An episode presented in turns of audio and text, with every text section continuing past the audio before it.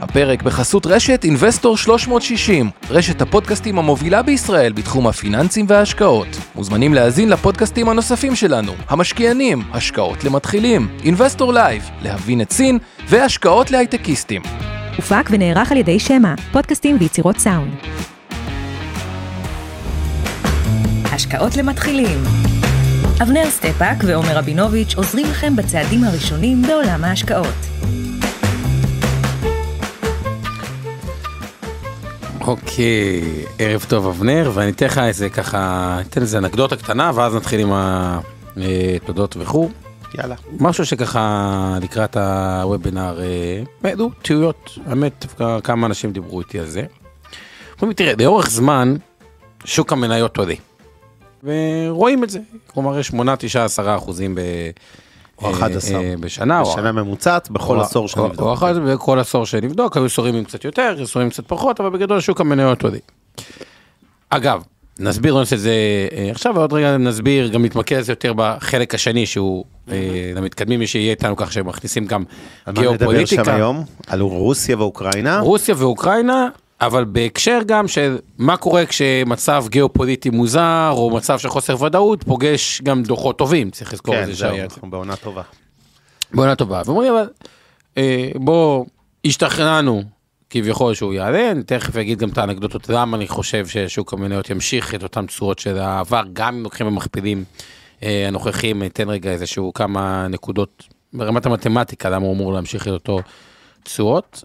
אה, ואז יש כאלה שאומרים לי, וואלה, אתה יודע מה, יש בזה היגיון. והיום ניתן לקבל מינוף זול, אני לא נכנס עם זה דרך אה, קרנות השתלמות פוסט חיסכון, או דרך סתם ברוקרים זרים אה, שמאפשרים אה, לקחת ריבית מאוד נמוכה. ואז באים ואומרים, רגע, אם בעצם מניות עושה 8, 10, 9 אחוז בשנה, למה שיעשה את זה במינוף פי 2? כלומר, ישקיע פי 2 מהכסף שיש לי.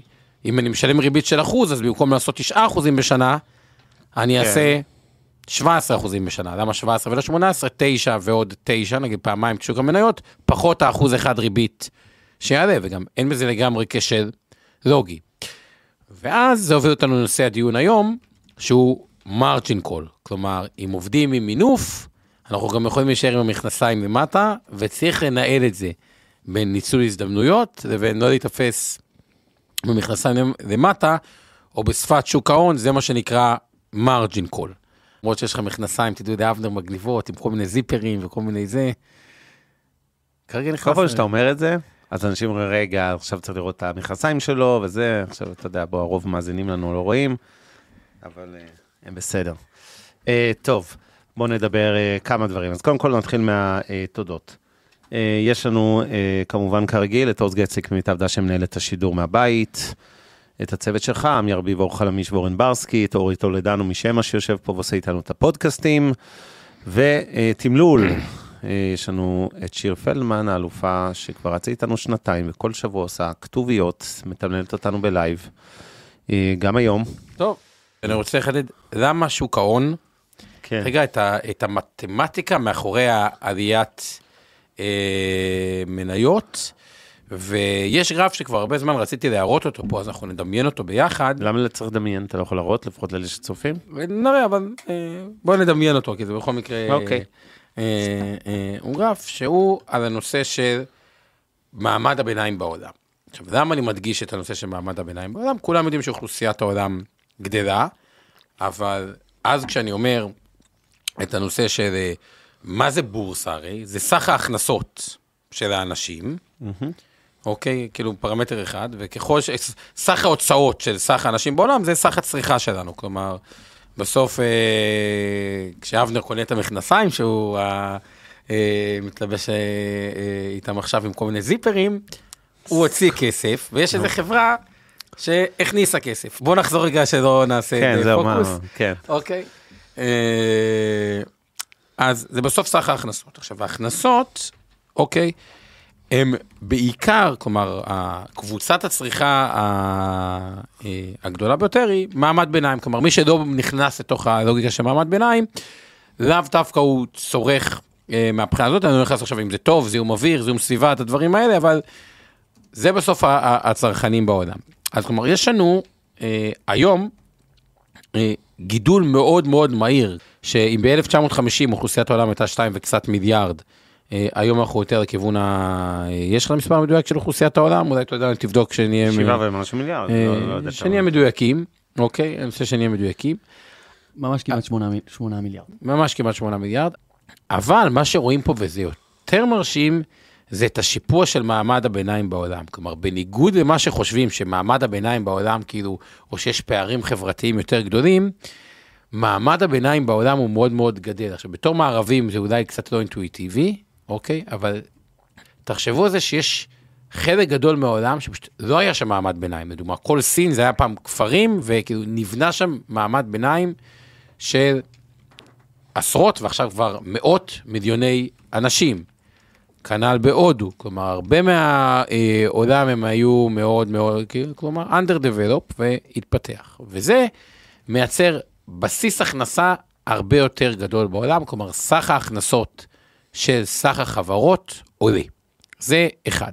כן. אז בואו ניקח נגיד מכפיל הרווח של ה-S&P אה, הוא 20, אגב בשאר העולם הוא יותר נמוך אה, מ-20, אבל בואו נלך לחומרה.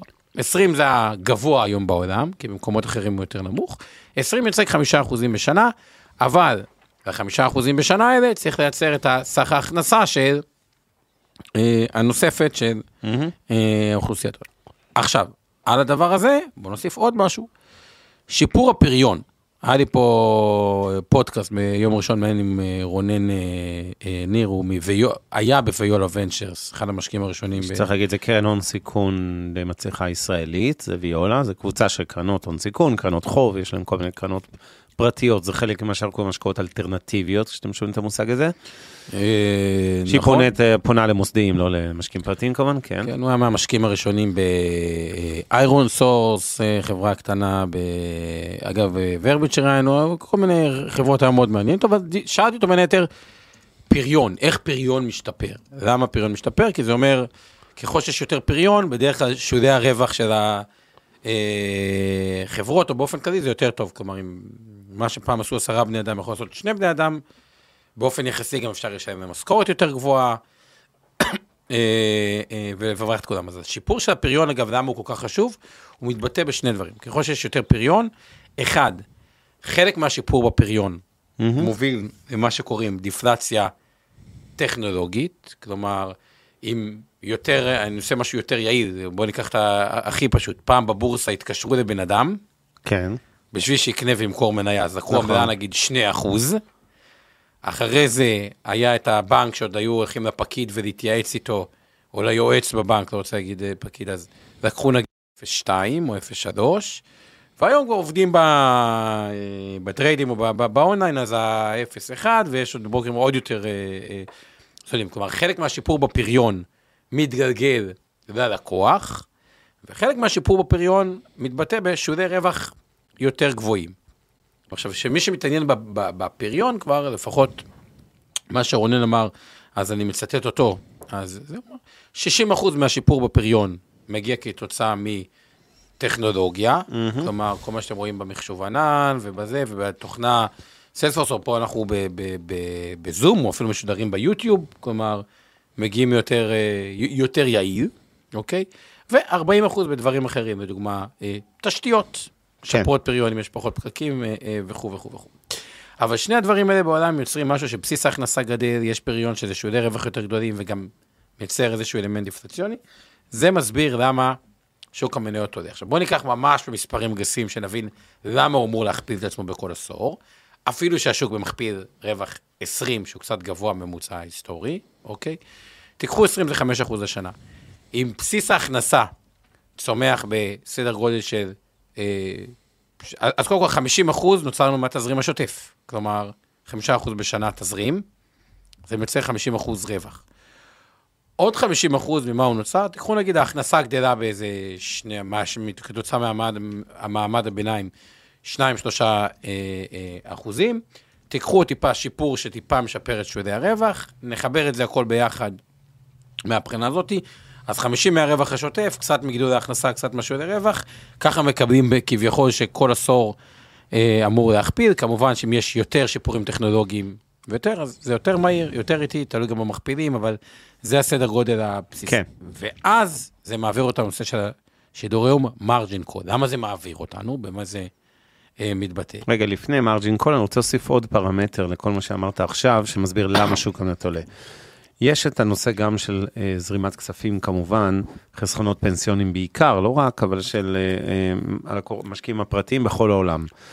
העולם עובר א', לתוחלת חיים ארוכה יותר, ב', לאיכות חיים טובה יותר, זאת אומרת, גם אנשים צעירים, אבל אפילו הפנסיונר בין ה-70 לצורך העניין של היום, הוא יותר בריא בממוצע, הוא לא רק יחיה יותר שנים מזה שהיה לפני 30 שנה, אלא הוא גם יחיה יותר טוב, הוא יהיה יותר בריא בממוצע, כשנשווה אותו, שני אנשים בגיל 70 או שני אנשים בגיל 80 של אז והיום. אמ, וזה גם גוזר את זה שהוא חוסך יותר כסף לפנסיה, הוא, אה, יש הרבה מאוד, אה, בכל העולם עוברים יותר ויותר לכל מיני חוקי פנסיה חובה כאלה שמחייבים אותך כשכיר במהלך הקריירה שלך להפקיד כספים, ובאיזשהו מקום, מן הסתם, הכספים האלה נכנסים לשוק ההון, נוסיף איזושהי, לא אגיד בריחה מאחריות חלילה, אבל כן, ממשלות מקטינות מעורבות. כל שיטות הפנסיה עוברות מ-defined אה, benefit ל-defined contribution, או בעברית אה, נקרא לזה פשוטה, ממצב של פנסיות כאלה ממשלתיות, תקציביות וכולי, למצב של פנסיה בשוק החופשי, לך תשקיע את זה בשוק ההון, תיקח אה, פנסיה כן, ב- כן, אבל זה, גוף. זה ו- דווקא, אבל בלונג טרם אמרו טיפה להפחית את התשואות משוק ההון. כי זה יותר כסף כן, שרודף על אותן הזדמנויות. כלומר, יו, היום מה שקורה, גדל. הביקוש גדל, אז בטווח הקצר, נגיד, זה מה שראינו בעשור אבל זה האחרון. ימשיך, זה לא שזה מפסיק הזרמת כן, הכסף. אבל ל- בלונג טרם, ככל שיש לך יותר כסף שרודף אחרי הזדמנויות מוגבלות, התשואה התשואה מאותה שנתקבע נקודה, כן, עליה, אני מבין מה אתה אומר, כן, אבל... התשואה שנתקבע עליה תהיה יותר נמוכה. כן, זה, אם זה, פעם- אבל זה נכון יותר לאגרות חוב וכולי, אני חושב שדווקא למניות, אה, זה שזורם כל הזמן עוד ועוד כסף. בואו, אנחנו ניקח את השוק הישראלי כדוגמה, הצמיחה של תיק הנכסים הפיננסיים של הציבור, זה, זה כל הכסף שיש לכולכם, כולכן, כולכם, אה, בבנקים, בבתי השקעות, בחברות הביטוח, בבורסה וכולי. כל הכספים האלה היום זה כמעט חמישה טריליון, נכון, כנראה שזה- אפילו, כן, חמישה טריליון ברבעון הזה. שקל. פי חמש מלפני, מ- משנת 2000. בדיוק, אבל הנתון הזה, מה שיותר מעניין, הוא צומח בכ-8 אחוזים לשנה. עכשיו, אתם יכולים להסביר 2 אחוז מזה, אתם אומרים על אוטומט, זה הצמיחה של אוכלוסיית ישראל, שהיא אגב, מהצמיחה, האוכלוסייה הישראלית צומחת נטו ב-1.9 אחוז לשנה, שזה נחשב יחסית מהגבוהים בעולם, אתם יודעים שבהרבה מדינות, באירופה למשל, זה בכלל שלילי קטן וכולי, או סביב האפס. אז, אז אתם אומרים, אוקיי, 2% זה הגיוני, אבל חוץ מה-2% יש עוד 6%, ביחד 8% כאמור. זה צמיחה דרמטית, ארוכת טווח פרמננטית.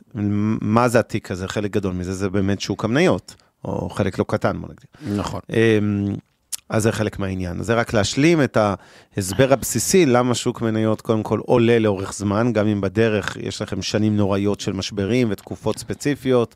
אה, יכול להיות איזה חודש גרוע, ראינו מה היה בינואר השנה פה אה, אה, בכל העולם.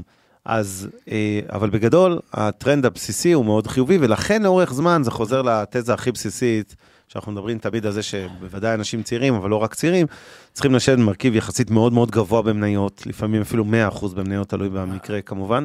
למה זה? בין היתר בגלל שזה אפיק ההשקעות שעושה את התשואה הכי גבוהה לאורך זמן. נכון, עכשיו להוסיף רגע למה שאבנר אמר לגבי הרפואה, גם היא משפרת פרודקטיביות. כי תחשבו על פעם בן אדם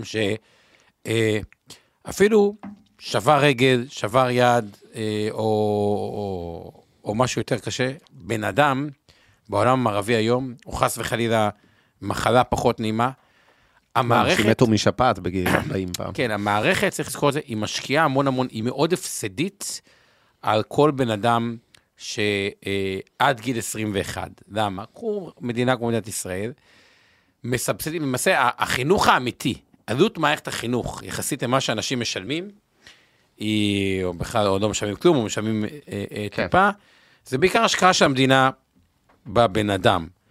בן אדם שהוא בוגר טכניון, אה, או בוגר אה, אוניברסיטה, כן. או מכללה, המדינה מסבסדת את זה. אוקיי, מן הסתם זה לא יודע עשרת אלפים שקל. שכר לימוד אה, לשנה, שכר לימוד 11, לשנה, או 11 כן, או אה, אה, 15, יש פה הרבה עניין של סבסוד. אגב, אפילו במכללות, שזה כאילו יותר יקר, גם יש פה אלמנט של תרומות למכללות ודברים כאלה, אלמנט של כן. סבסוד.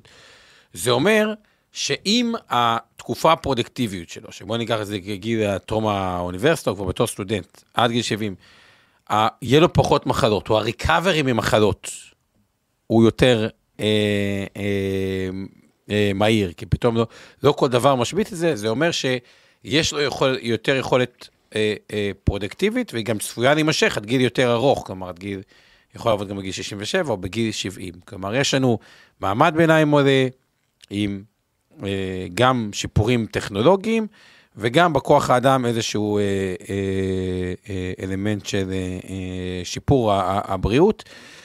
דווקא הנקודה של כאילו יותר כסף לשוק ההון היא, היא, היא טובה בטווח הקצר, היא דיבייטבל בטווח הארוך, אבל בואו בוא נמשיך הלאה, זה, זה, זה פחות קריטי.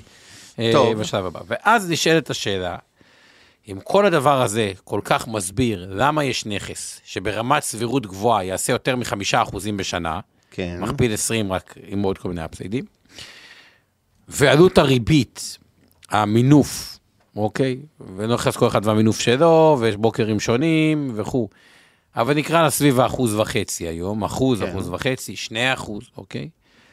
למה לא ללכת על נכס בסיס כזה ממונף? אז קודם כל, אין סיבה שלא, צריך לנהל את המינוף, ובשביל לדבר על העיקרון של המינוף, למה זה טוב ואיפה זה רע, צריך להבין את המונח margin call. בואו נתחיל רק מלמה זה טוב, ואז נבין את הזה. למה זה טוב? כן. כי פשוט זה הכי קל בנדל"ן להסביר את זה, או במניות, אם שוק המניות יעשה חמישה אחוזים בשנה, ונהיה בחשיפה של 200 אחוז למניות, כלומר נהיה עם מינוף כפול של- שתיים. כפוי שתיים, והמינוף יעלה לנו אפילו 2 אחוז בשנה, אז אפילו, זה לא בהכרח נמוך, אנחנו- 2 אחוז על החמישה אחוז, כן. אנחנו נישאר עם, המינוף הרי, אבל אנחנו לא משלמים על הכל, אנחנו משלמים רק על על, החלק כן. הממונף. כלומר, על 50% מהתיק נשלם 2%, אז כלומר, זה יפגע לנו אחוז אני. אני רוצה ברשותך, סליחה, להמחיש את זה בצורה פשוטה, רק במספרים אבסולוטיים. בן אדם כן. יש לו 100 אלף שקל, ו-100 אלף שקל הון עצמי שלו, לא הלוואות. והוא אומר, אוקיי, אני רוצה להשקיע אה, את כל ה-100 אלף שקל האלה במניות, וגם לקחת הלוואה של עוד 100 אלף שקל. עזבו רגע מה הבסיס של ההלוואה, חלק זה ה-100 אלף הראשונים, חלק זה יכול להיות קרן השתלמות, פנסיה, לא, לא ניכנס למה מה הביטחונות שהוא נותן, אבל הוא לקח עוד הלוואה של 100 אלף שקל. ובוא נגיד לצורך העניין שהוא עושה 8% במניות, כי זה יותר קרוב למציאות לאורך זמן, ואני מדבר כמובן לפני מס, אבל נקרא לזה נטו אחרי עמלות וכולי, אבל לפני אה, מס. ונניח שההלוואה עולה לצורך העניין 3%. במילים אחרות הוא עובד על מרווח של 5%, 8 פחות 3. מה יקרה במספרים? הוא השקיע 200 אלף שקל, 100 משל עצמו ועוד 100 מהלוואה. הוא עושה 8% על כל ה-200 אלף שקל, כלומר 16 אלף שקלים בממוצע לשנה. מצד שני, על 100 אלף הלוואה הוא משלם 3,000 שקלים, זה אותם 3 אחוזים לשנה. כלומר, ה- 18,000 שקלים בניכוי 3,000 עלות אה, הכסף, עלות הריבית של ההלוואה הזאת, הוא בעצם אה, מרוויח 15,000 שקלים. 15,000 שקלים הם בעצם רווח על ה-100,000 הון עצמי שהוא הביא לעסקה. כלומר, אנחנו מדברים על תשואה שהמשקיע עושה, שהיא נקראת גם IRR באנגלית, זה internal rate of return נקרא. התשואה שהוא עושה היא בעצם 15 אחוז. זאת אומרת, אם ניקח שני משקיעים, אחד שם 100,000 שקל ולא לקח שום הלוואה, הוא הרוויח 8,000 שקל, שזה אותם 8 אחוז על המאה. המשקיע השני, שעם אותם 100 מינף ולקח עוד 100,000 שקל, בעצם הרוויח 15,000 שקלים, כמעט כפול מהמשקיע הראשון. וזה בדיוק לב הסיפור של המינוף. אותו דבר אתם מכירים מנדל"ן ומשכנתאות, אם אה, קניתם, אה, לצורך העניין יש לכם מיליון שקלים ויכולתם לקנות בזה דירה אחת להשקעה איפשהו בדרום הצפון, או לחילופין קניתם חמש דירות, ב-200 אלף שקל הון עצמי, או 250, ארבע דירות נניח, כי יש אה, דרישה נגיד לרבע, עזבו רגע את החוקים לצורך הפשטות, אבל נניח קניתם ארבע דירות עם 250 אלף הון עצמי ו-750 אלף מינוף, כמובן שהתשואה שלכם תגדל דרמטית. רק מה, התשואה לא גדלה לבד, יש איזה פרמטר קטן ושולי לצידה שגדל, וזה הסיכון. כי אם לצורך העניין, אנחנו מדברים 8% ממוצע לשנה במניות, אבל צריך לזכור שאם נבדוק את העשורים השונים, זה לא נראה כמו גרף אחד ככה ישר שעולה, אם תסתכלו על כל גרף של S&P 500, נסדק, תל אביב 125 וכולי, אתם תראו שהתנודתיות היא מאוד מאוד גדולה. התנודתיות בעצם משקפת את הסיכון. כלומר, כשהגענו ל-8% ממוצע לשנה, נגיד בעשר שנים, זה מורכב משנים של פלוס 37, מינוס 25 אחוז, פלוס 12, 0 בשנה 4, מינוס 3, 3 אחוזים בשנה 5, פלוס 40 בשנה 6 וכולי וכולי, ובסוף הממוצע איכשהו מתכנס תמיד לבין אה, 8 ל-11 אחוז כמעט בכל עשור שנבדוק, 2010 ל-2020, 1975 ל-85 וכולי וכולי, אתם תראו שהרוב העשורים האלה נגמרו בטווחים האלה. ו- ועדיין, אגב, רק לחדד את זה, והדוגמה הפופוליסטית, למי ששומע, כן, מי שהשקיע בדיוק ביום של התפוצצות הדוט קום ואת הדברים האלה, לקח לו give me a 15 שנה. break, אוקיי? ש- אם הייתם משקיעים שלוש שנים לפני זה, והייתם עושים 500 אחוז, ואז זה ירד לזה, אז הכל... ברור, אף אחד גם לא כלומר- שם, כן, זה גם, זה זה אשליה, כאילו, זה כאילו בן אדם שם את כל כל הונו, החיים שלי כל במזומן, מזומן בדיוק, וביום לפני המפולת יום לפני. המפולת, אחרי שהשוק היה 700, העברתי את כל הכסף שלי ואת הדברים האלה. זה. לא בדיוק עובד ככה, אוקיי? או אומרים לי, הכלכלה היפנית. אז בשנות ה-90 היה תקופה שהכלכלה היפנית עלתה גם אלף אחוז, אוקיי? ואז ירדה, נגיד 80 אחוז, 70 אחוז, לא משנה מה, אבל אחרי שמשהו עולה... קיצר, ומי שנכנס ביום אחרי שזה עלה אלף אחוז, אז הוא באמת כל כך חסר מזל שלא מגיע לו לעשות השקעות בחיים, אוקיי? כן, כאילו. אז אני אגיד בינתיים שאבי כותב לנו פה בצ'אט, שמינוף בבורסה, הסכנה היא שאתה יכול להפסיד את כל ההון שלך, אוקיי? כי אם לדוגמה, נתנו את הדוגמה עם ה-100 וה-100, 200 אלף שקל, וחלילה המניות ירדו ב-50 אחוזים בשנה מסוימת, נניח, נמחקתם, נמחקתם. אז ה-200 איבד 100, וזה בעצם איבדתם 100 אחוז מההון העצמי. היום הכל דבש, אבל לא להתקרב למינוף בבורסה. אז אבל- אבי, אני לא מסכים, אתה כותב פה, הוא כן בעד מינוף בנדל"ן עד גבול מסוים, עד 54 אחוז. הוא כותב, אבל אני חייב להעיר פה משהו. לא שונה כזה דרמטית מינוף לנדל"ן ממינוף למניות. ואני מדבר עכשיו על מינוף לצורכי השקעות, לא מדבר רגע בן אדם שקונה דירה ראשונה למגורים ולוקח משכנתה, זה סוג אחר של סיכון והיגיון כלכלי בעסקה הזו, ואגב, לא רק היגיון כלכלי, יש כל מיני סיבות למה לקנות דירה, לא ניכנס לזה היום. אבל נניח שאתה כבר קונה דירה שנייה ומעלה, וזה כבר להשקעה. זה לא כל כך שונה ממניות, למרות שנדמה לנו שדירה יש לנו ארבעה בלוקים, וזה הכי בטוח בעולם, זה אף פעם לא ירד. bullshit, סליחה על הביטוי. אה, אה, אז רגע, לפני שכל גמר, אני רוצה קודם כל שנדבר על margin call, ניהול סיכונים, ואז נעשה את הדיון פתוח עם השאלות. אז בואו נבין רגע מה זה margin call. בסופו של דבר, ברוקר, ובואו ניקח את הדבר הבא, הוא מאפשר, אתם יודעים, בואו נלך יותר פשוט. קרן ההשתלמות שלכם, שגם פה אנשים לדעתי, אתה מבין, נגיד אפשרו לכם 80% מינוף בעבר, אגב, אפשרו את זה, אוקיי. אפשרים גם היום, מאפשרים גם נזיל, היום. מה שנקרא, נכון. כן. אז השקעתם 100 שקל, וקיבלתם חזרה 80 אלף שקל, עזבו רגע מה עשיתם עם ה-80 אלף שקל. אחד קנה עם זה אוטו, אחד השקיע, לא מומלץ לקחת את זה סליחה, אבל בואו נשים אותם רגע בצד. כלומר, הבאתם 20 אחוז הון עצמי, כן. ו-80 אחוז מינוף. אם אני מסתכל על היחידה הבסיסית הזאת, איך היא תיראה אגב בתרחיש הסביר מבחינת תשואה, בואו ניקח תשואה בקרנות ההשתלמות ממוצעת 4 אחוז, אני יודע שבעבר היה יותר, אז תגיד רגע יותר, אבל בואו ניקח רגע 4 אחוז, שזה תהיה התשואה. אז עשינו 4 אחוז על 100 אלף שקל, זה 4,000 שקל. שילמנו ריבית אחוז נקודה אחד על 80 אלף שקל, זה 880 שקל. כלומר, סך הכל הרווח שלנו הוא 3,120. כן. 3,120 נט אחרי ריבית על אותם 20 אלף שקל, שתכלס זה הון עצמי שהבאנו מהבית, אני מזכיר 80 אלף שקל כמעט כבר בזה. 16 אחוז זה תשואה. 15.2 לדעתי, אוקיי? כן. אז בתרחיש הסביר נעשה 15 אחוז. 15-6, כן. 15-6. איפה הבעיה? איפה מתחילה הבעיה כאן? אה, אה, זה? מה קורה אם קרן ההשתלמות תרד 20 20 אחוז? אחוז, כן. ומה הסיכוי שהיא תרד? כי אז יבוא בית ההשקעות ויגיד, חביבי, או שאני סוגר לך את הקרן השתלמות, סוגר, אוקיי? כי אני לא רוצה לקחת, או שתביא כסף מהבית. ואז אם יש שיביא קצת כסף מהבית, אחלה, אבל אם אין, אז אתה יכול, אפשר להיסגר בנקודה הכי אומללה שאתם לא רוצים להיסגר בה. עכשיו, אה, אז זה לגבי קרן. עכשיו, האם יכול קרן השתלמות לרדת ב-20 אחוז בשנה ספציפית בשנה- יכולה תיאורטית, אז התשובה היא, פעם כאילו. נתנו 80 אחוז שלו, אבל תחשבו, אחוז המניות שם הלך לכמעט 50 אחוז נכסי סיכון. נכסי כן. סיכון יודעים לרדת ב-50 אחוז, אז זה 25 אחוז ירידה. אם נכסי. הסיכון ירדו ב-50 אחוז ירידה, אני מבטיח לכם שבאג"ח הקונצרני תהיה כן, פגיעה אבל 50 אחוז אחרים גם ייפגעו, נגיד רק אפילו 5%, ב-10 לא אחוז, משנה, כן? ייפגעו אתם בדברים הפסדתם כאלה. בשנה כזו 30 אחוז. 30 נניח, אחוז. כן. כלומר, היום שאני רואה את זה. אגב, כלומר, זה בערך, זה קצת בהגזמה, אבל אה, לא רחוק משם מה שהיה ב-2008 במשבר הגדול האחרון, הג- הגדול אה, אה, באמת. לא, אז כן. היה פחות. אז היה פחות, נפל רק 20 אחוז באותה שנה, כי כי אחוז המניות היה 30 אחוז. כן, כן, ברור. הדברים. אבל, אבל, אבל נכון, ובגלל זה, אם לא רוצים להיכנס, מה אחת האפשרויות? אומרים, רגע, על פניו חבל לי לקחת אה, הלוואה באחוז, אבל או להיות מראש ב-68, 69, 70 אחוז מינוף, ואז אין את הסיכון הזה. ולא ב-80. ולא ב-80, כלומר מראש. כן, זהו, לי- ליאת פה שואלת, מה הכוונה סוגר לבית ההשקעות, סוגר לכם את הקרן, הוא אוקיי? מרים טלפון, או שסוגר את הקרן השתלמות, או שתביאו את כסף מהבית. כן, אז בואו בוא נדבר רגע, צאו מקרן השתלמות רגע, בואו נדבר רגע בחשבון פשוט רגע של מניות, בסדר? אתה לא משנה אם אתם מחזיקים את זה בטרייד או בבנק או whatever. אם יש לכם 100 אלף שקל ב- אה, מושקע במניות, ולקחתם הלוואה בדוגמה הזאת של עוד 100 אלף שקל, וחלילה, לא, בדוגמה הזאת זה לא הלוואה. זה, זה, לא, כי אנשים, אני דווקא רוצה להסביר את זה במקום, כי הרבה אנשים כן... מה זה לא הלוואה? זה הלוואה, מה זה לא הלוואה? אני נותן דוגמה, עזוב. השקעת 100 אלף שקל, לקחת הלוואה של עוד 100 אלף שקל, אתה עכשיו לא משנה איפה, עזוב קרן השתלמות או אוקיי, לא משנה טוב. מה. margin call בא ואומר שהבנק קובע, או הטרייד קובע איתך איזושהי נוסחה בסיסית של שיעור הביטחונות שצריך להעמיד, זה פונקציה של במה השקעתם את ה-200 אלף שקל האלה, ה-100 ההון עצמי וה-100 הלוואה שלכם. ככל שזה מושקע בנכס מסוכן יותר, נניח מניות יתר קטנות בבורסה בתל אביב, שיעור ההישענות, מה שנקרא, כמה זה שווה לביטחונות לצורך ההלוואה, נמוך יותר, וככל שזה מושקע הפוך, כמובן דברים סולידיים יותר, אז הבנק אה, הרבה יותר רגוע. מרג'ין קול בא ואומר שאם ירדתם מתחת ל...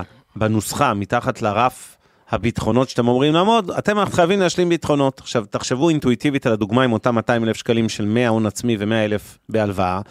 ברור שאם כל ה-200 מושקעים במניות, ועכשיו אני אקצין, שוק המניות ירד ב-60 אחוז, אתם כאילו מתחת למים, אתם כאילו אוקיי. במינוס אה, 20, אבל- רגע, תן לי להשלים רק את הדוגמה, זה חשוב. השקעתם 200 אלף שקלים, הפסדתם 120 אלף על הנייר, נכון? או לא על הנייר, אתם מופסדים כרגע 60 אחוז, אני לוקח שוב דוגמה קיצונית. אתם במינוס 20 אלף שקל, כי הבאתם הון עצמי של 100 והפסדתם 120. כמובן שהבנק לא באמת ייתן לכם, או הברוקר לא ייתן לכם להגיע למינוס 20 הזה, עוד קודם לכן, באיזושהי תחנה בדרך, לפי הסכם המרג'ין קול שלכם, הוא יבוא ויגיד, אדוני, המרג'ין שלך נמוך מדי, תביא, תחזק ביטחונות, תביא עכשיו עוד 30 אלף שקל מהבית, מעבר ל-100 שהשקעת הון עצמי, כי תיק המניות שלך ירד ואתה מתקרב לנקודת סיכון, והבנק לא פראייר וגם לא הברוקר, והוא לא ייקח את הסיכון שלכם, של ההשקעות שלכם על המאזן שלו, ולכן הוא דורש תוספת ביטחונות. וליאס, כשאנחנו אומרים סוגר לך, לא משנה אם זה את החשבון או את הקרן השתלמות, לצורך העניין זה אה, שותה לך את כל הכסף ואומר, אדוני, אתה גם אולי חייב עוד, או, או, או מקסימום אולי נשאר לך איזה עודף קטן מאותם 100 אלף שקלים הון עצמי, אבל בגדול הפסדת את רובם. עכשיו, עכשיו שנייה, רגע, רגע, רגע. הבעיה העיקרית במרג'ין קול, אתם לא באמת, בשונה, אתם לא לוקחים פה משכנתה ל-30 שנה או ל-20 שנה, אוקיי? לקחתם הלוואה שהיא באופייה קצרת טווח, שבכל רגע נתון המלווה, קרי הבנק או הברוקר, יכול לממש את ה margin call שוב, בהנחה שהפסדתם אה, על פי הנוסחה שנקבעה מראש, הוא לא סתם קם בבוקר ומחליט להגיד תחזירו את ההלוואה הזאת, אבל הוא יכול לממש אותה בטווחים קצרים, וכמו שאומרים, אולי המשפט שהכי ממצה את כל בעיית ה margin call זה שגם בבריכה של 2 סנטימטר גובה ממוצע אפשר לטבוע, אוקיי?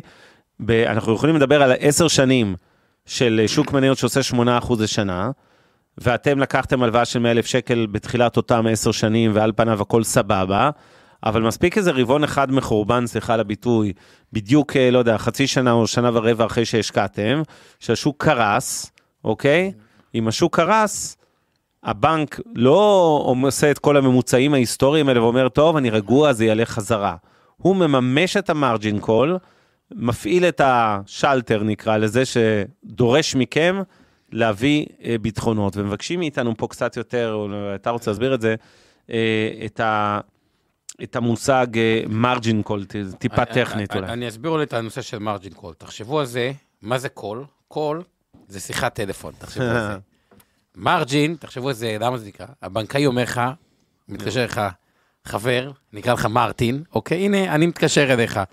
יש לך חמש דקות להביא את הכסף, או חביבי, שאני סוגר לך את החשבון. אז זה המרג'ין קול. עכשיו, איפה זה, אגב, בא לידי ביטוי כמה?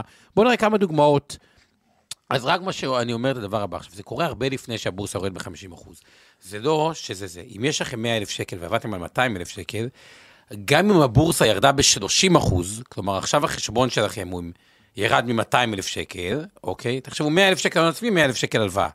החשבון ירד מ-200 אלף שקל, הבורסה ירדה ב-30 אחוז, שזה קורה, אוקיי? אז מ-200 זה ירד ל-140.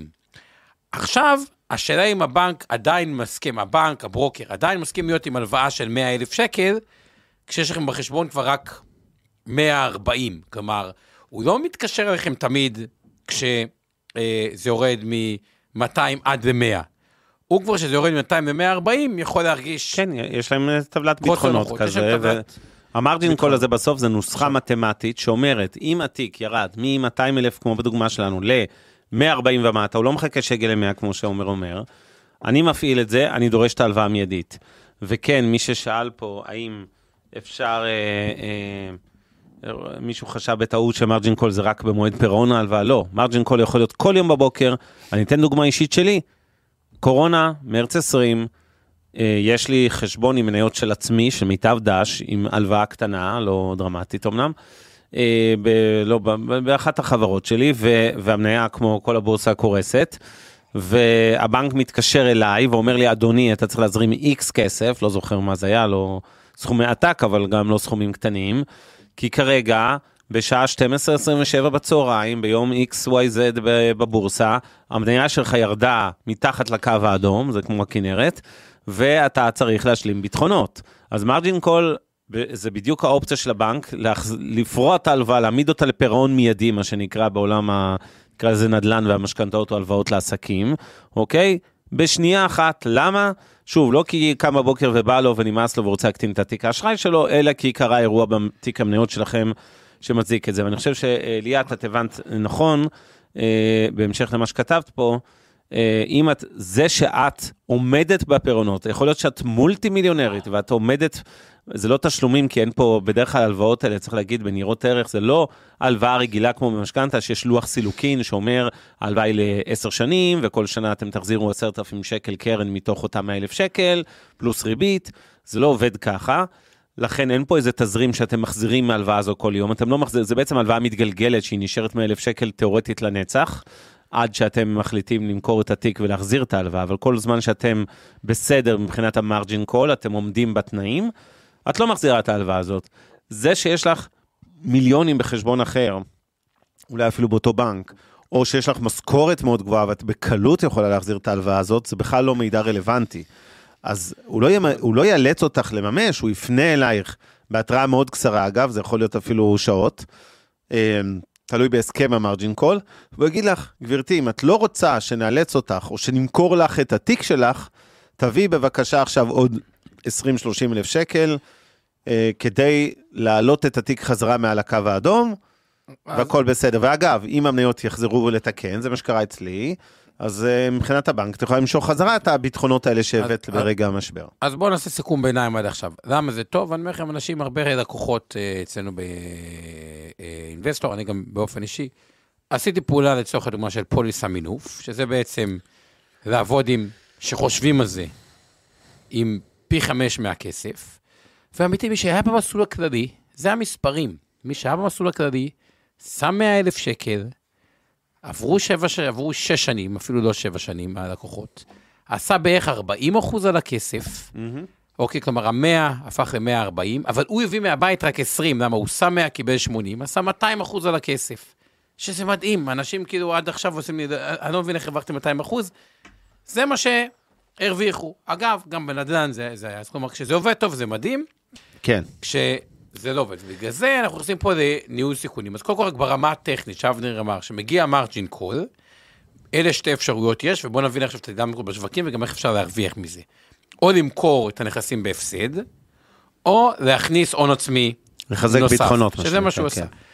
עכשיו, קודם כל, חושבים, היום התחושה היא שהמינוף הוא בסוג של שיא כל הזמנים, והמרג'ין קול בשיא כל הזמנים, אז רק כדי לסדר את האוזן, אנחנו ממש לא בשיא כל הזמנים. דווקא המרג'ין דפ, כלומר, יש איזשהו אה, אה, מדד, אה, אז אם בשיא ב-2007, המדד הזה, לא משנה איך הוא נקרא ומה מרג'ין דק נקרא, ווילשר 5000, אוקיי? אה, היה כמעט בשלוש, היום אנחנו ב-1.9, אוקיי? כלומר, בשנת 99, כלומר, דווקא אנחנו לא ב... אין מינוף גדול כן. צריך להגיד שבישראל, אה, אגב, ספציפית, המינוף הוא, לדעתי, מהנמוכים מעולם, בכל מקרה הוא נמוך מאוד מאוד, אבסולוטית. מאוד. זאת אומרת, מינוף לניירות לא ממונפת. ערך, זה לא דבר מקובל. אנשים לא לקחו פה הלוואות בשביל נכון. מניות, לקחו הלוואות לנדל"ן, לא לקחו הלוואות בשביל מניות, ואלה שעשו את זה, זה המתוחכמים במשקיעי קרנות ההשתלמות וקופות הגמל, וזה אחוז קטן. כן, ובכלל מדינת ישראל היא אחת הכי פחות ממונפות בעולם, המשכנתה היא משכנתה שפיצר ולא...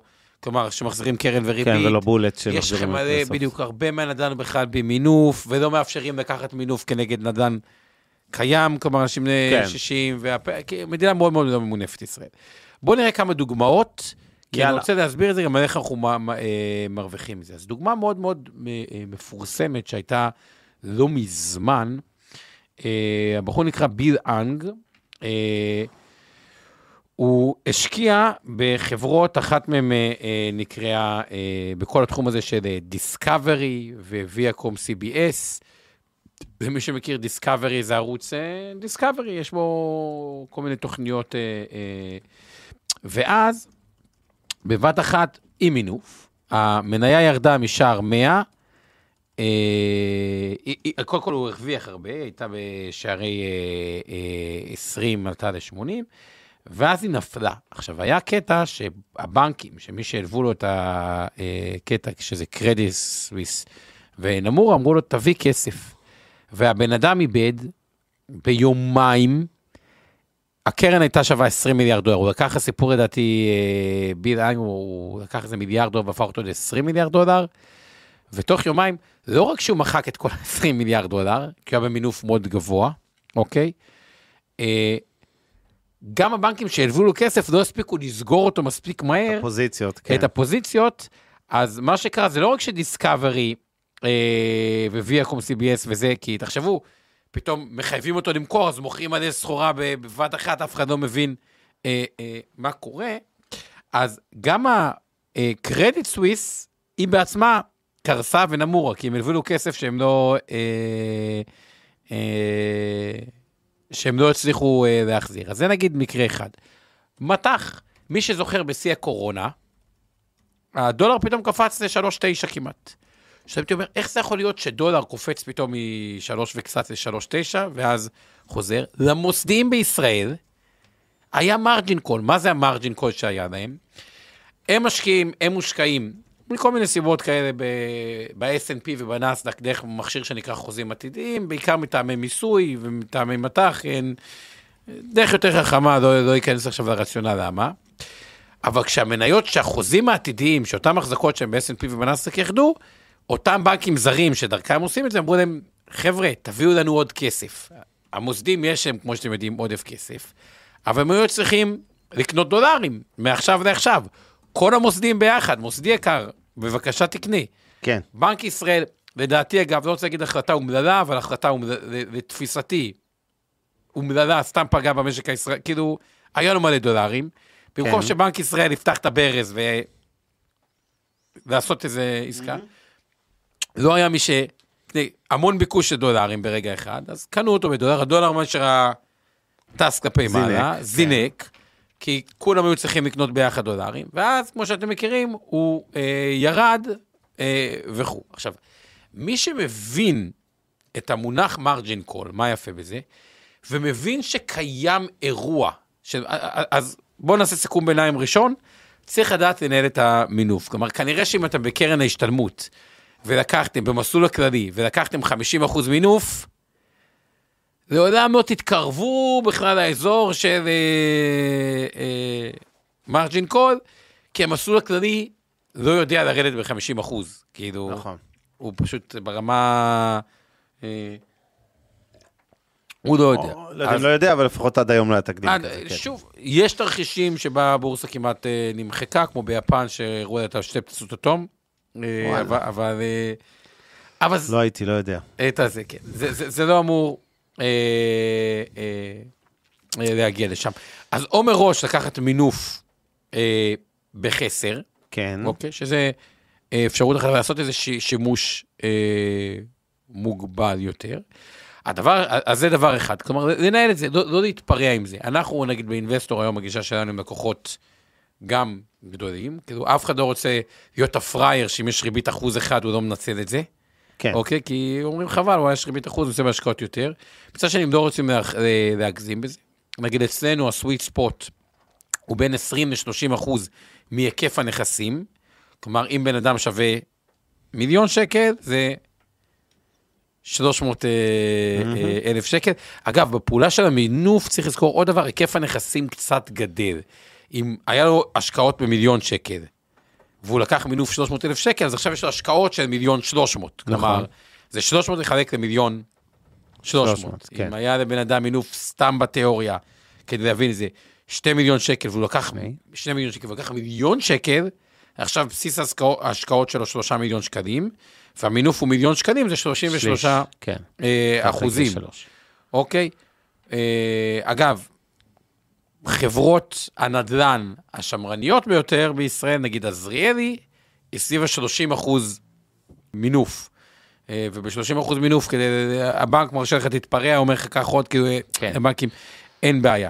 בוא נראה דירה עם משכנתה, כדי להבין מה זה מינוף גבוה, 75 אחוז מינוף נחשב גבוה. זה המינוף המקסימלי זה אומר בישראל. שאם, שוב, היה לכם 250 אלף שקל, לקחתם מינוף כביכול של 300 אחוז, כלומר, 250, קיבלתם עוד 750 מהבנק, זה כאילו 300 אחוז, למה אני אומר כאילו 300 אחוז? כי עכשיו יש לכם נכס ששווה מיליון, נכון, המשכנתה 750 אלף, אז זה כאילו 75 אחוז נכון. מינוף. מימון. זה מאוד מאוד אה, יכול להיות, אה, אה, זה רמת סיכון יחסית גבוהה, מי שעושה את זה מן הסתם בן אדם, זה נכס בסיס שעל פניו הוא נכס בסיס. בטוח שלא אמור... לנו, מישהו כתב לנו פה בצ'אט בדיוק על הדוגמה עם הנדל"ן והמשכנתאות, שאם, אז אם ככה, אם שוק הנדל"ן ירד ב-30%, וזה לא תרחיש הזוי אגב, האם אה, בעצם כולנו נקבל טלפון, אפרופו מרג'ין קול מהבנקים, של חבר'ה תמכרו את הדירות. אה, בוא נגיד ככה, התשובה היא כן ולא, כי כל עוד הבנקים, איך הוא מתגונן מזה? קודם כל הוא נותן הלוואת שפיצר, שהלוואת שפיצר היא שאתה מחזיר קרן וריבית. אבל בשנים הראשונות תכף- יותר ריבית ופחות קרן, ואז אתה- זה מתהפך במחצית השנייה של המשכנתה. אם אתה תאחר, בניגוד להיום אם אתה מאחר כמה תשלומי ריבית, הבנק עצוב ולא עצוב. עצוב, אבל גם יודע לקרוא שמח כי אותך. אתה משלם ריבית חריגה. חריגה, הוא אומר, מה אכפת לי, הנכס שווה יותר. אם זה יקרה, ואתה תאחר בכמה תשלומים, כשהשוק ירד 25 אחוז, הבנק מוציא אותך ל auction בצורה מאוד מאוד אה, אכזרית. אה, אה, כן, אבל אני רוצה רק להרגיע בהקשר הזה רגע של דוגמת שוק המשכנתאות ולהסביר במה הוא שונה מ margin call שאנחנו מדברים עליו בניירות ערך. קודם כל, שוק המשכנתאות, להבדיל מ margin call, מבוסס גם בין היתר על הכושר ההחזר שלכם כ... מתוך ההכנסות נטו שלכם. זאת אומרת, אם ליאת שאלה קודם מה קורה אם אני אה, כן מסודרת, יכולה להחזיר בניירות ערך, אז, אני, אז התשובה הייתה שבניירות ערך פשוט הברוקר או הבנק ידרשו ממך להזרים, לחזק ביטחונות מה שנקרא, זה לא קשור לכושר ההחזר השוטף שלך. פה להבדיל, הבנק מסתמך על כושר החזר, וכושר החזר בדרך כלל בישראל היא מאוד אה, יחסית שמרנית, לא נותנים יותר מ-30-40 אחוז מההכנסות נטו, אה, כן, לצורך העניין, אה, לא בונים משכנתאות לפי יותר מה-30-40 אחוז מהיכולת החזר שלכם, מהמשכורת, וזה לייר ביטחון אחד. דבר שני, אה, שוק המשכנתות בכללותו, כמו שאמרנו עם הדוגמה של אה, נסדק במרץ 2000 בדוט קום, שאף אחד לא נכנס עם כל הזה ביום אחד, זה, ישב במזומן שנים ואז נכנס בדיוק יום לפני מפולת. גם בשוק הנדל"ן, תיקי המשכנתאות של הבנקים מפוזרים על מאות אלפי משכנתאות, מקוהורטים, מבצירים, מה שנקרא בעברית שונים, של ה- 10-20 שנה, כן, שכל שנה לקחו פלח קטן, מחירי הנדל"ן, כמו שאתם יודעים, עלו משמעותית מאוד, אז שיעור המינוף ירד אוטומטית. לא לדאוג, בקיצור, גם אם שוק הנדל"ן יתרסק ב-30 אחוז, אני לא חושב שהבנקים קרובים יהיו לפשוט רגל. אה, וכן, אבי מאיר בציניות, שהפוליטיקאים ייכנסו לפעולה וידאגו שליברמן ישלם את המשכנתאות של כולנו. אבל אה, אני כן, אה, אם אנחנו חוזרים רגע לניירות ערך מנדל"ן, כן, רציתי להגיד משהו? לא, אז רק, אני רק אגיד את ה- את התסווית אה, ספוט, מבחינתי, שבן אדם ייקח את סך ההשקעות שלו, כל עוד אתם באזור של ה-30 אחוז, 25, 30, מה, שזה שיעור ההלוואה מסך הנכסים? מסך בדוגמה הנכסים. הזאת, יש לכם מיליון שקל בניירות ערך. לא, לא, בכלל, אני, אה, לא, אה, עכשיו, מה הטריקי? מה. הטריקי? למה אנשים בדרך כלל צעירים הם לפעמים במינוף יתר, אבל הם עושים את המינוף יתר כי אין להם ברירה, אחרת הם לא יגיעו לנכס, אוקיי? והם לוקחים סיכון, כי אם משהו יתפקשש בחיים, כאילו, באס הרצח, אוקיי? אבל הם גם בונים אני ואבא שיעזרו להם בתת-תת-תת מודע למקרה מי שיכול, אוקיי? אה, אגב, בישראל באמת יש תרבות שהמשפחה עוזרת, כלומר, אם חס וחלילה כן. יהיה בן אדם שזה זה, אז אה, מאוד חשוב את הדברים האלה. בגיל יותר מאוחר, נקרא לזה אנשים בני 60, הם הרבה פעמים במינוף אה, חסר. חסר. למה? הבית שלהם הוא כבר בלי משכנתה. לפעמים הם קיבלו ירושה מהסבא והסבתא, הירושה דור ההורים שמקבלים. שלהם, כן. דור ההורים, כאילו, זה נט, אין משכנתאות, אין אה. אה, כלום, זה דור ש... אה. ואז יש שם הרבה מאוד נכסים עם אפס מינוף. עם אפס מינוף, ובגלל זה אני לא אומר להסתכל, כי אם בן אדם היה קונה משכנתה, בית במיליון שקל, או נגיד יש לו בית בחמישה מיליון שקל, והיה לו מיליון שקל משכנתה, הוא היה מרגיש, בואנה, אני 20 אחוז, זה זול. אבל אם יש לו תיק ניירות, או קרן השתלמות, כאילו, אה, אה, שתי מיליון, והוא לוקח מיליון, הוא מרגיש מאוד ממונף, בגלל זה ההסתכלות הנכונה היא מסך כל הנכסים. איזה אנשים יכולים לקחת משכנתה קצת יותר גבוהה, איזה אנשים יכולים לקחת משכנתה קצת יותר נמוכה. אה, נמוכה. בגס זה... למה אתה אומר משכנתה ולא... אה, מינוף. אה, מינוף באופן כללי. אגב, זה, כן. זה גם נוגע למשכנתה וזה גם אה, כן. אה, אה, מינוף, ועוד אני אתן פה רגע עוד איזה טיפ קטן, אוקיי. ככל שההכנסה התזרימית יותר חזקה, כלומר, משכורת יותר גבוהה עם ביטחון יותר גבוה, כלומר, עובד מדינה, עובד עם קביעות בבנק, למה הרבה בנקאים מאוד מאוד עשירים? כי בגלל הקביעות שלהם הם הרשו לעצמם לקחת משכנתאות מאוד גבוהות בנדל"ן, או הרבה דירות, כי הם, היה להם ודאות תעסוקתית כן. גבוהה, אז הם יכלו להתמנף ביתר, גם המשכנתאות שהן להם הטבות מהבנק, ובאמת רואים הרבה בנקאים עם הרבה נדל"ן, כן. אוקיי? אז ככל שיש לכם תזרים יותר גבוה, ו... אה, זה, זה אה, אחד בוודאות יותר גבוהה אה, בעבודה. ספציפית, אה, אה, אז זה, זה בערך הפרמטר. אגב, כמובן שמי שיש לו פנסיה תקציבית או פנסיה גבוהה ונכסים, אז בשוטף הוא צריך אה, אה, פחות. עכשיו, למי שיש רגע עודף מאוד גדול בשוטף, אבל הוא מפחד מ margin call. אוקיי, הוא אומר, רגע, אני רוצה לקחת מינוף קרן השתלמות, גם חבל לי לקחת 80 אחוז או את הדברים האלה, אבל מפחד מ margin call. מה עושים? לא חייבים להחזיר רק את הריבית בשוטף, אפשר להחזיר ריבית פלוס קרן. כלומר, יש מונח שנקרא שפיצר, גם מינוף כנגד מכשירים פיננסיים, ואז אתה אומר, רגע, במקום לחסוך כל חודש כסף, שסתם יושב בחשבון הבנק, ראיתי הרבה הייטקיסטים שחוסכים כל חודש, סתם דוגמה, 5,000 שקל, או, או זוג אה, יכול גם יותר מזה, וכל תקופת החיסכון אין בעצם השקעה. אז מראש להשקיע סכום יותר גבוה היום עם מינוף, אבל כל חודש להחזיר מעט מהחוב, גם זה יפחית את הסיכון שלכם למרג'ין קול, כלומר להפחית את המינוף כפונקציה של זמן, קצת כמו שקורה בנדל"ן. יפה, אז, כן. מה הפואנטה? אם זיהיתם סיטואציה שיש נכס בסיס שנמצא ב margin call, לדוגמה, הדולר שקפץ ל-3.9, מבינים את הסיבה שהמוסדיים קנו ומבינים שזה לא סיבה כלכלית, אלא זה סיבה אה, רגעית. הרבה פעמים יכול להיות שם הזדמנויות של פעם בחיים, ואני רוצה לספר לכם מניה שהשקעתי בה, נגיד, שהיה לי margin call, וכאילו, אני בטוח שלהרבה משקיעים היה שם. החברה נקראת EPR, מי שרוצה שיעשה גוגל איט, E כמו אלפנט, P כמו אה, פפאיה, R כמו רבינוביץ'. אה, והיא מניה שמתעסקת, אה, היא ירדה במהלך כמה ימים בקורונה מ-71 לשער, אה, מ-71, בוא נזכר בדיוק, לשער אה, שמונה, הייתה אפילו ב-15 כן, או ב-17. עכשיו, זו חברת נדל"ן עם סוחרים ל-15 שנה, אוקיי. כלומר זה. אז חלק מהירידה, אגב, עכשיו היא הייתה באמת מ-15, היא היום ב-45, עשתה 200 אחוז עלייה, קצת אחרי. למה מניות יורדות כל כך בחדות, אוקיי, וגם חברות טובות, גם חברות שנהנות מהקורונה יכולות לרדת בהתחלה. הרבה מהסיבות האלה שכל מיני תיקים יש בהם מרג'ין קול, כלומר, אם זיהינו אירוע שיש או מניה או סקטור או משהו נקודתי שיש בו margin call, הרבה פעמים יש מכירות שהן לא כלכליות, שהן ב over, ושם יכולות להיווצר אה, הזדמנויות. אליך אבנר. אוקיי, כמה דברים, אני רוצה לרוץ פה על השאלות בצ'אטים והערות בצ'אטים וכולי. אז קודם כל שאלו אותי לגבי הלוואות מקופות גמל והשתלמות ספציפית לניירות ערך, אה, למה בחלק כבר לא נותנים, או נותנים מעט וכולי.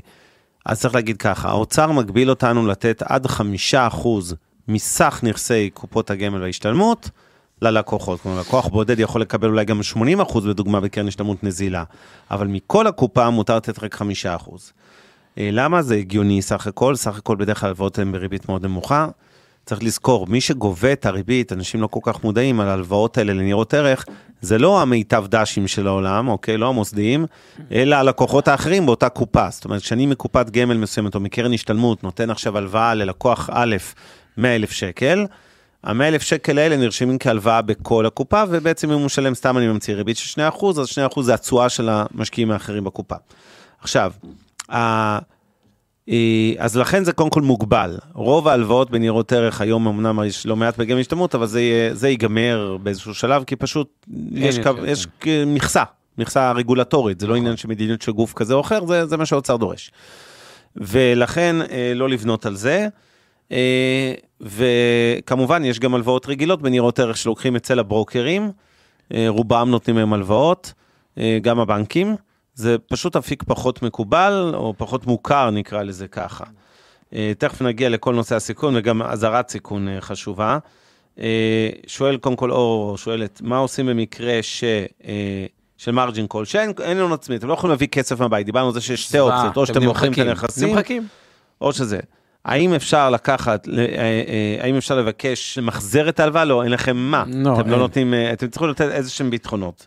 ואם אין לכם ביטחונות אחרים, נניח שיש לכם הלוואה באיזה trade, אז אתם צריכים לקחת הלוואה תיאורטית בגמל פנסיה השתלמות בשביל להשלים אותה, אבל האמת היא, ו- ו- וזו הדרך היחידה, אתם בסוף צריכים להביא כסף. יכול להיות שהכסף הזה מקורו בהלוואה מספר 2, אבל אתם צריכים להביא כסף למלווה מספר 1.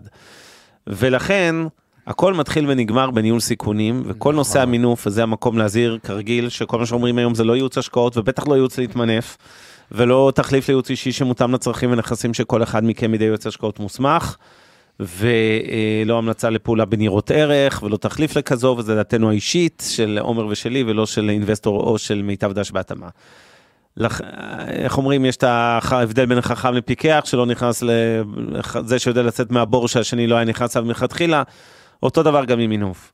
שלא תצאו מהפודקאסט הזה, מסיכום השעה בקרוב, עם מסקנה שגויה, שאנחנו ממליצים לכל אחד עכשיו להשתולל בהלוואות. לא, להפך, אתם- הפודקאסט הזה הוא נועד בשביל להסביר לכם להשתמש פחות במינוף או בצורה מושכלת. כלומר, אני רואה יותר מדי אנשים בתקופה האחרונה, הוא, הוא קונטרה למה ש, שקורה. כלומר, הלאה. שוב, בדיוק, הוא, הוא, הוא, הוא להתנהל חכם, אגב, גם בקיצר, תמשיך. אוקיי, הערות. יש לנו פה עוד הרבה הערות. אז קודם כל, אבישי שואל כבר פעם שנייה הערב, האם אתם בטוחים שיש margin call, כבר אור, האם אתם בטוחים שיש margin call בקרן השתלמות? ואני חייב להגיד, מרוב שזה אירוע נדיר שלא קרה מעולם, אני לא יודע אם משפטית זה נכון. זאת אומרת, האם לקחת הלוואה מהקרן השתלמות והפסדת את כל הכסף שלך פלוס, אה, בתיאוריה עם ההלוואה הזאת, אני מניח שמשפטית אתם תצטרכו להביא את הכסף מהבית, אני לא סגור ב-100%, פשוט זה משהו שלא קרה אני מעולם. רק רוצה להגיד שבקורונה לא. גוף שבדיוק לקוחות, היה רשימה של לקוחות ספציפיים שנכנסו בגוף ספציפי, ובדיוק הייתה רשימה שאמרו לנו תתקשרו אליהם שיביאו עוד כסף. וואלה. כן, טוב, קרה בשיא הקורונה, מי שבדיוק נכנס כאילו, תחשבו, נכנס בו מתחיל הקורונה וזה ככל שזה יתקרב כן. לכיוון אוקיי. ה-20% ירידה, ואני לא בטוח, אבל בוא בוא נגיד ככה, אתם לא רוצים להיות שם. אתם לא רוצים להיות שם, אז או שאל תמשכו את הרווח שכבר הצעתם, יש אנשים שגם מושכים את הרווח הרבה פעמים מהקופות, או כן. להשאיר יותר spare. אוקיי, אז או רק לסכם את הנקודה. הסתבכת, הגעת להפעלת הסכם ה margin call שלך בהלוואה מספר אחת. אתה צריך להביא עוד ביטחונות אם אתה לא רוצה שיחסלו יחסלו לך את הפוזיציה וימכרו בדיוק בשיא המשבר את כל המניות בתיק. אז אתה צריך להביא עוד כסף. האם הבאת את הכסף מהלוואה מספר 2, מהון עצמי, או לא אכפת. מכל דבר אחר, זה לא מעניין אף אחד. הברוקר אדיש, או הבנק אדיש, או קרן השתלמות אדישה, אם, אם זה קיים שם, אנחנו נבדוק את זה. אה, אבל אתה צריך להביא כסף מאיפשהו. כן, מותר לך לקחת, אין בעיה חוקית שתיקח הלוואה ממקור אחר. אבל, אה, אבל במה שקורה, אף אחד לא ייתן לך הלוואה ואף אחד לא ידבר. לא, לא, זה לא מוטו גוף, הוא לא, לא נכון, לא מסכים איתך. לא, בשיא תקופת הקורונה. עזוב. יש לו קופת גמל, הוא יקבל הלוואה, מה זה קשור? אה, הוא יקבל, הוא יקבל, בוא.